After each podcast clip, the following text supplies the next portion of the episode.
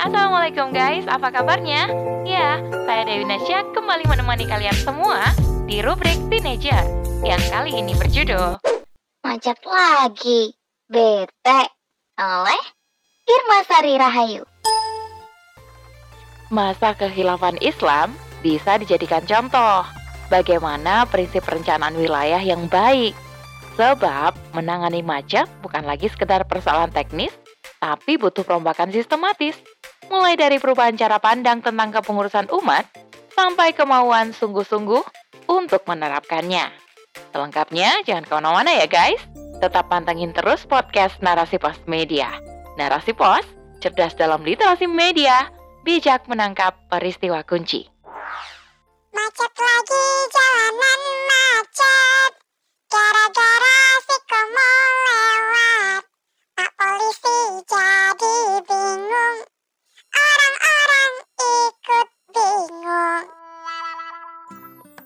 Hai guys, tahu lagu Si Komo nggak? Lagu anak-anak ini ngehits banget loh di tahun 90-an. Dengan musik yang ceria, Kak Seto sang pencipta lagu dan karakter Si Komo mau menyampaikan tentang kondisi jalan yang suka macet. By the way, masalah macet kayaknya identik deh dengan negara kita, terutama di Jakarta. Hampir setiap hari, terutama jam berangkat dan pulang kerja, jalanan penuh dengan kendaraan. Kalau sudah macet guys, bisa berkilo-kilometer panjangnya dan stucknya berjam-jam. Duh duh, nyebelin banget gak sih? Sudah gerah, capek, bete banget deh pokoknya. Hmm, berbagai solusi sudah dilakukan, mulai dari pelebaran jalan, jalan layang, underpass, sampai aturan ganjil genap. Tapi kayaknya belum kelihatan deh kesaktiannya untuk mengurai macet. Aduh, baru-baru ini guys, ada usulan dari Polda Metro Jaya untuk mengubah jam kerja kantor. Direktur Lalu Lintas Polda Metro Jaya Kombes Latif Usman mengusulkan jam keberangkatan pekerja di DKI Jakarta diatur agar gak menumpuk di waktu yang sama. Usulan Polda Metro Jaya ini diapresiasi dong sama Wakil Gubernur DKI Jakarta, yakni Ahmad Riza Patria. Pak Wagub bilang mau dipertimbangkan sih usulan ini. Hmm, efektif nggak ya?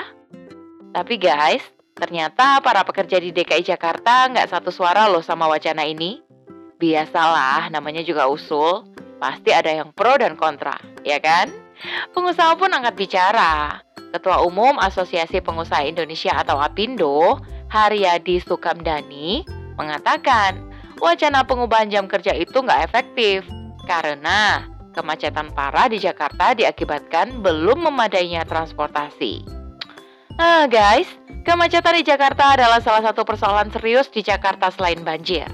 Sudah beberapa kali ganti pemimpin, nyatanya Jakarta masih aja macet. FYI di tahun 2017, Jakarta pernah menduduki posisi keempat kota termacet di dunia. Parah nggak tuh? Waktu itu tingkat kemacetannya sebesar 61 persen. Peringkat ini makin membaik di tahun berikutnya sebesar 53 persen. Dan predikat kota termacet sedunia melorot ke peringkat ketujuh. Nah, pada tahun 2019, kemacetan Jakarta masih sama nih dengan tahun sebelumnya, yaitu 53 persen. Perubahan signifikan terjadi pada 2020, di mana presentasi kemacetan Jakarta turun jadi 36 persen dan tahun 2021 34 persen. Itu juga karena selama dua tahun kita mengalami pandemi dan adanya pembatasan mobilitas dengan aturan PPKM dan sebagainya. Perusahaan pun mengadakan sistem work from home dan pendidikan dilakukan secara daring. Kalau sekarang, TomTom Traffic Index mencatat Jakarta ada di peringkat ke-46 dunia. Dirangkum dari berbagai sumber, coba kita urai nih, apa aja sih yang bikin jalan di Jakarta macet terus? Check it out. Pertama, banyak kendaraan pribadi.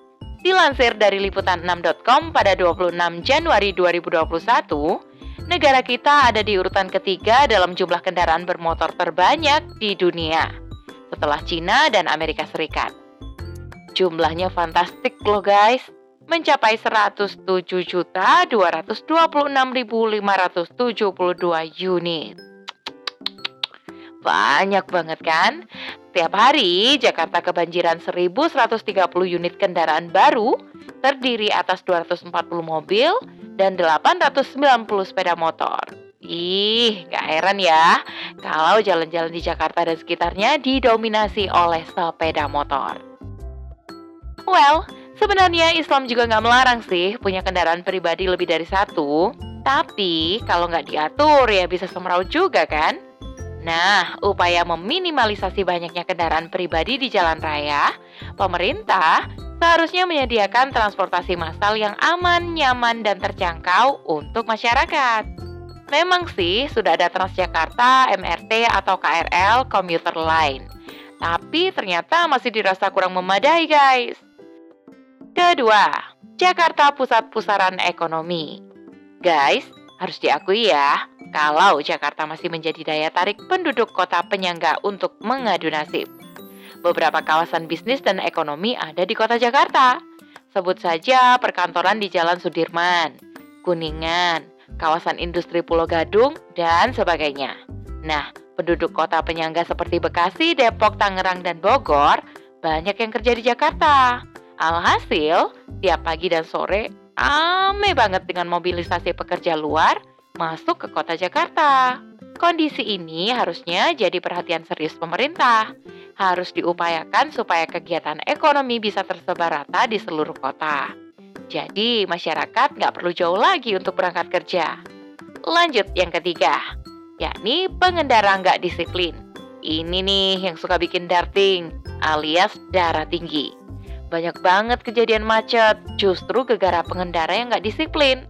Sudah tahu lagi macet di satu jalur, eh nggak sabar terus nerobos keluar antrean. Akhirnya malah nutup jalur lain kan? Apalagi kalau lampu lalu lintas mati. Semua maunya duluan, jadi tambah macet kan? Guys, perencanaan sebuah kota harus benar-benar diperhitungkan dengan cermat dan sangat dipengaruhi dengan ideologi yang diemban sebuah negara. Kok bisa? Apa hubungannya? Ya, tentu ada dong. Prinsip ideologi kapitalisme yang saat ini kuat banget mencengkeram kita adalah dapat untung sebanyak-banyaknya. Asal bisa menghasilkan duit, ya do it, alias dilakukan. Pemerintah cuma dibutuhkan sebagai pihak legislator atau pembuat kebijakan. Sementara yang berkuasa sebenarnya adalah pihak yang punya duit. Jadi nggak heran kalau pembangunan infrastruktur terkesan cuma buat menguntungkan segelintir orang, tapi nggak bisa dirasakan manfaatnya oleh masyarakat. Sementara sebuah negara yang mengambil semua kebijakan berdasarkan perintah Allah Subhanahu wa taala dan Rasulnya punya prinsip memudahkan urusan rakyatnya sebagai bentuk tanggung jawab kepada Allah Subhanahu wa taala. Sebagaimana doa baginda Nabi berikut ini. Barang siapa yang diberi tanggung jawab untuk menangani urusan umatku, lalu ia mempersulit mereka, maka persulitlah hidupnya. Dan barang siapa yang diberi tanggung jawab untuk mengurusi umatku, lalu ia memudahkan urusan mereka, maka mudahkanlah hidupnya. Hadis riwayat Muslim. Nah, masa kekhilafan Islam bisa dijadikan contoh loh. Bagaimana prinsip perencanaan wilayah yang baik bisa mengurangi kebutuhan transportasi. Dikutip dari laman fahmiahmar.com, ketika Baghdad dibangun sebagai ibu kota, setiap bagian kota direncanakan hanya untuk jumlah penduduk tertentu, dan di situ dibangunkan masjid, sekolah, perpustakaan, taman, industri gandum, area komersial, tempat singgah bagi musafir, hingga pemandian umum yang terpisah antara laki-laki dan perempuan. Bahkan pemakaman umum dan tempat pengolahan sampah juga nggak ketinggalan. Sebagian besar warga tak perlu menempuh perjalanan jauh untuk memenuhi kebutuhan sehari-harinya serta untuk penuntut ilmu atau bekerja. Karena semua dalam jangkauan perjalanan kaki yang wajar dan semua memiliki kualitas yang standar. Nah, berarti terbukti dong, kalau pembangunan sebuah kota direncanakan dengan rapi, maka nggak akan terjadi mobilitas besar-besaran masyarakat yang akhirnya bikin crowded alias macet. Jadi, bagaimana menangani macet? Bukan lagi sekedar teknis, tapi butuh perombakan sistematis. Mulai dari perubahan cara pandang tentang kepengurusan umat sampai kemauan sungguh-sungguh untuk menerapkannya. So, masih mau bermacet-macet? Wallahu alam bisawab. Segitu dulu ya guys rubrik Teenager kali ini. Sampai bertemu di rubrik Teenager selanjutnya. Saya Dewi Nasya kundur diri. Aku Minkum. Wassalamualaikum warahmatullahi wabarakatuh. See you.